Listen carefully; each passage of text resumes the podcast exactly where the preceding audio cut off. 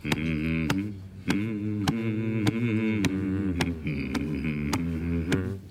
on.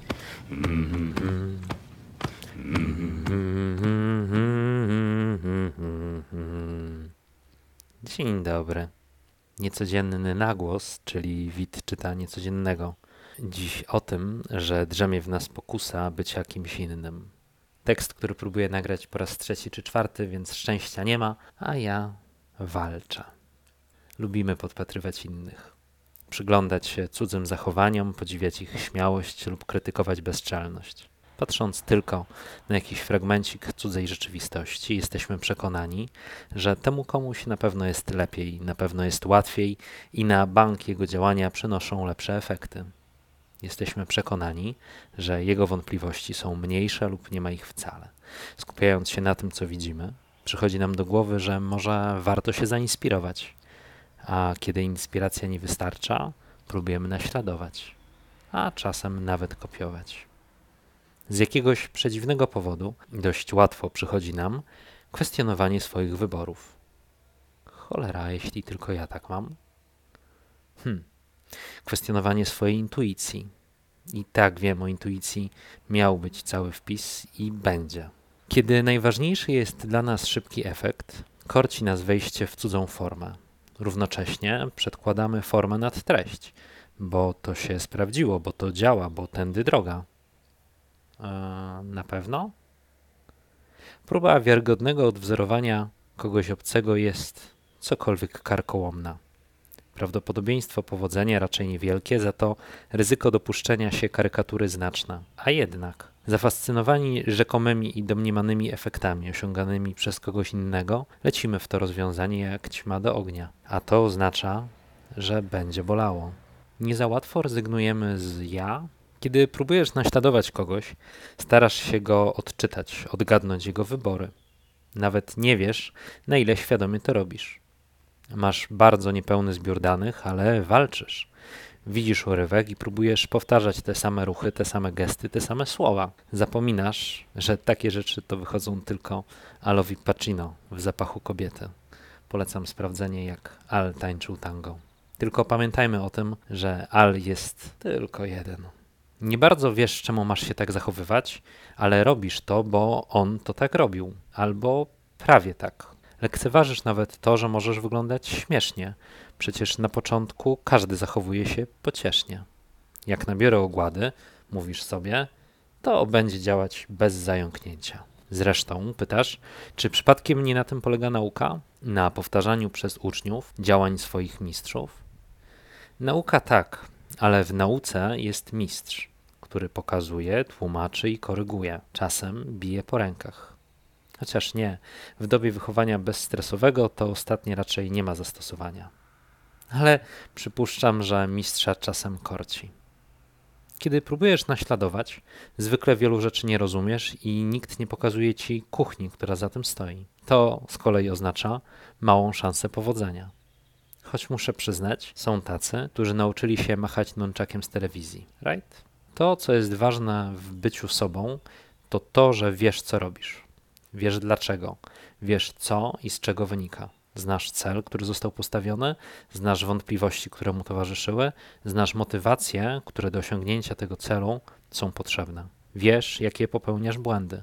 Rozumiesz mechanizm, im lepiej go rozumiesz, tym większe jest prawdopodobieństwo, że działanie przyniesie zamierzony efekt. Nie robisz czegoś dlatego, że gdzieś to widziałeś, albo wydaje ci się, że widziałeś, ale dlatego, że to ma przynieść określony efekt. Nawet jeśli czasem te dwie zupełnie różne ścieżki prowadzą do tego samego miejsca, to śmiem twierdzić, że jedynie świadome wybory mogą nam zapewnić swego rodzaju powtarzalność.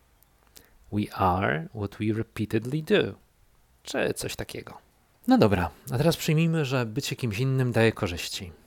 Hmm, może bywa i tak. Można cały czas grać, udawać, pozować, przywdziewać najrozmaitsze pozy. Przychodzi taki moment, kiedy stajesz przed lustrem i trzeba opuścić maskę.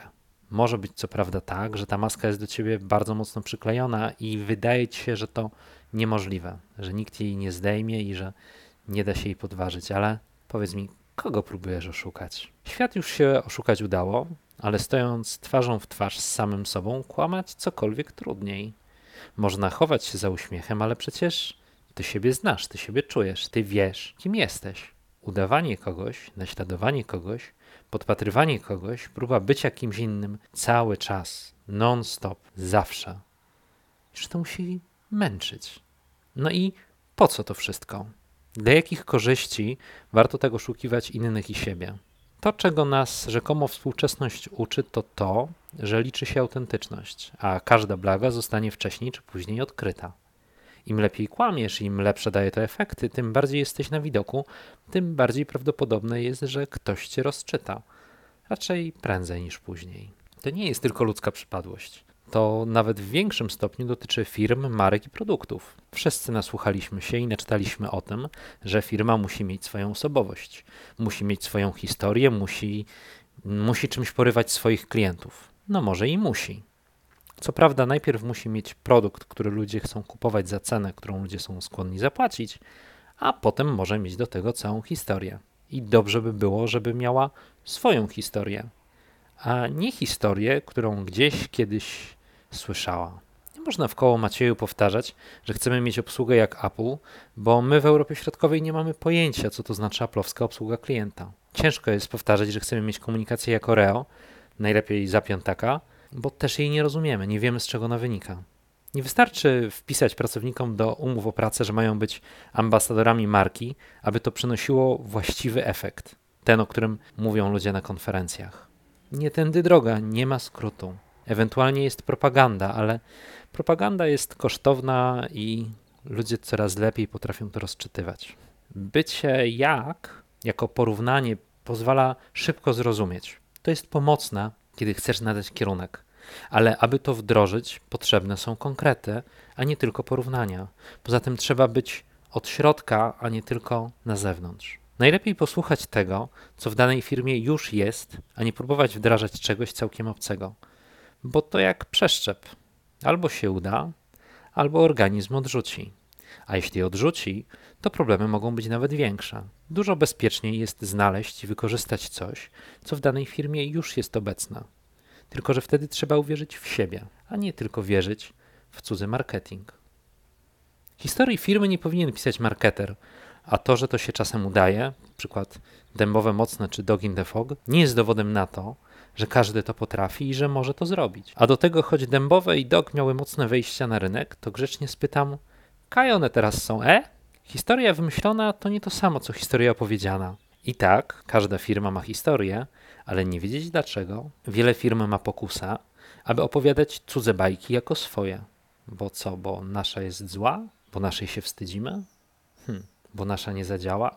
No to po co to komu? Swoją drogą, czym się będziemy wyróżniać, kiedy już wszyscy będziemy tacy sami, naśladując wszystkich innych? Kolejny wpis przeczytany. Z tym ostatnim pytaniem zostawiam Cię samego albo samą. Teraz z prawdziwą przyjemnością życzę Ci bardzo dobrego dnia, a kto wie, może i bardzo dobrej nocy. Zachęcam Cię do tego, abyś czynił innym ludziom dobry dzień i żebyś robił to z pobudek czysto egoistycznych, bo to wraca. Dobre wraca. A ja wracam do mruczenia, bo to coś, co mnie dobrze nastraja.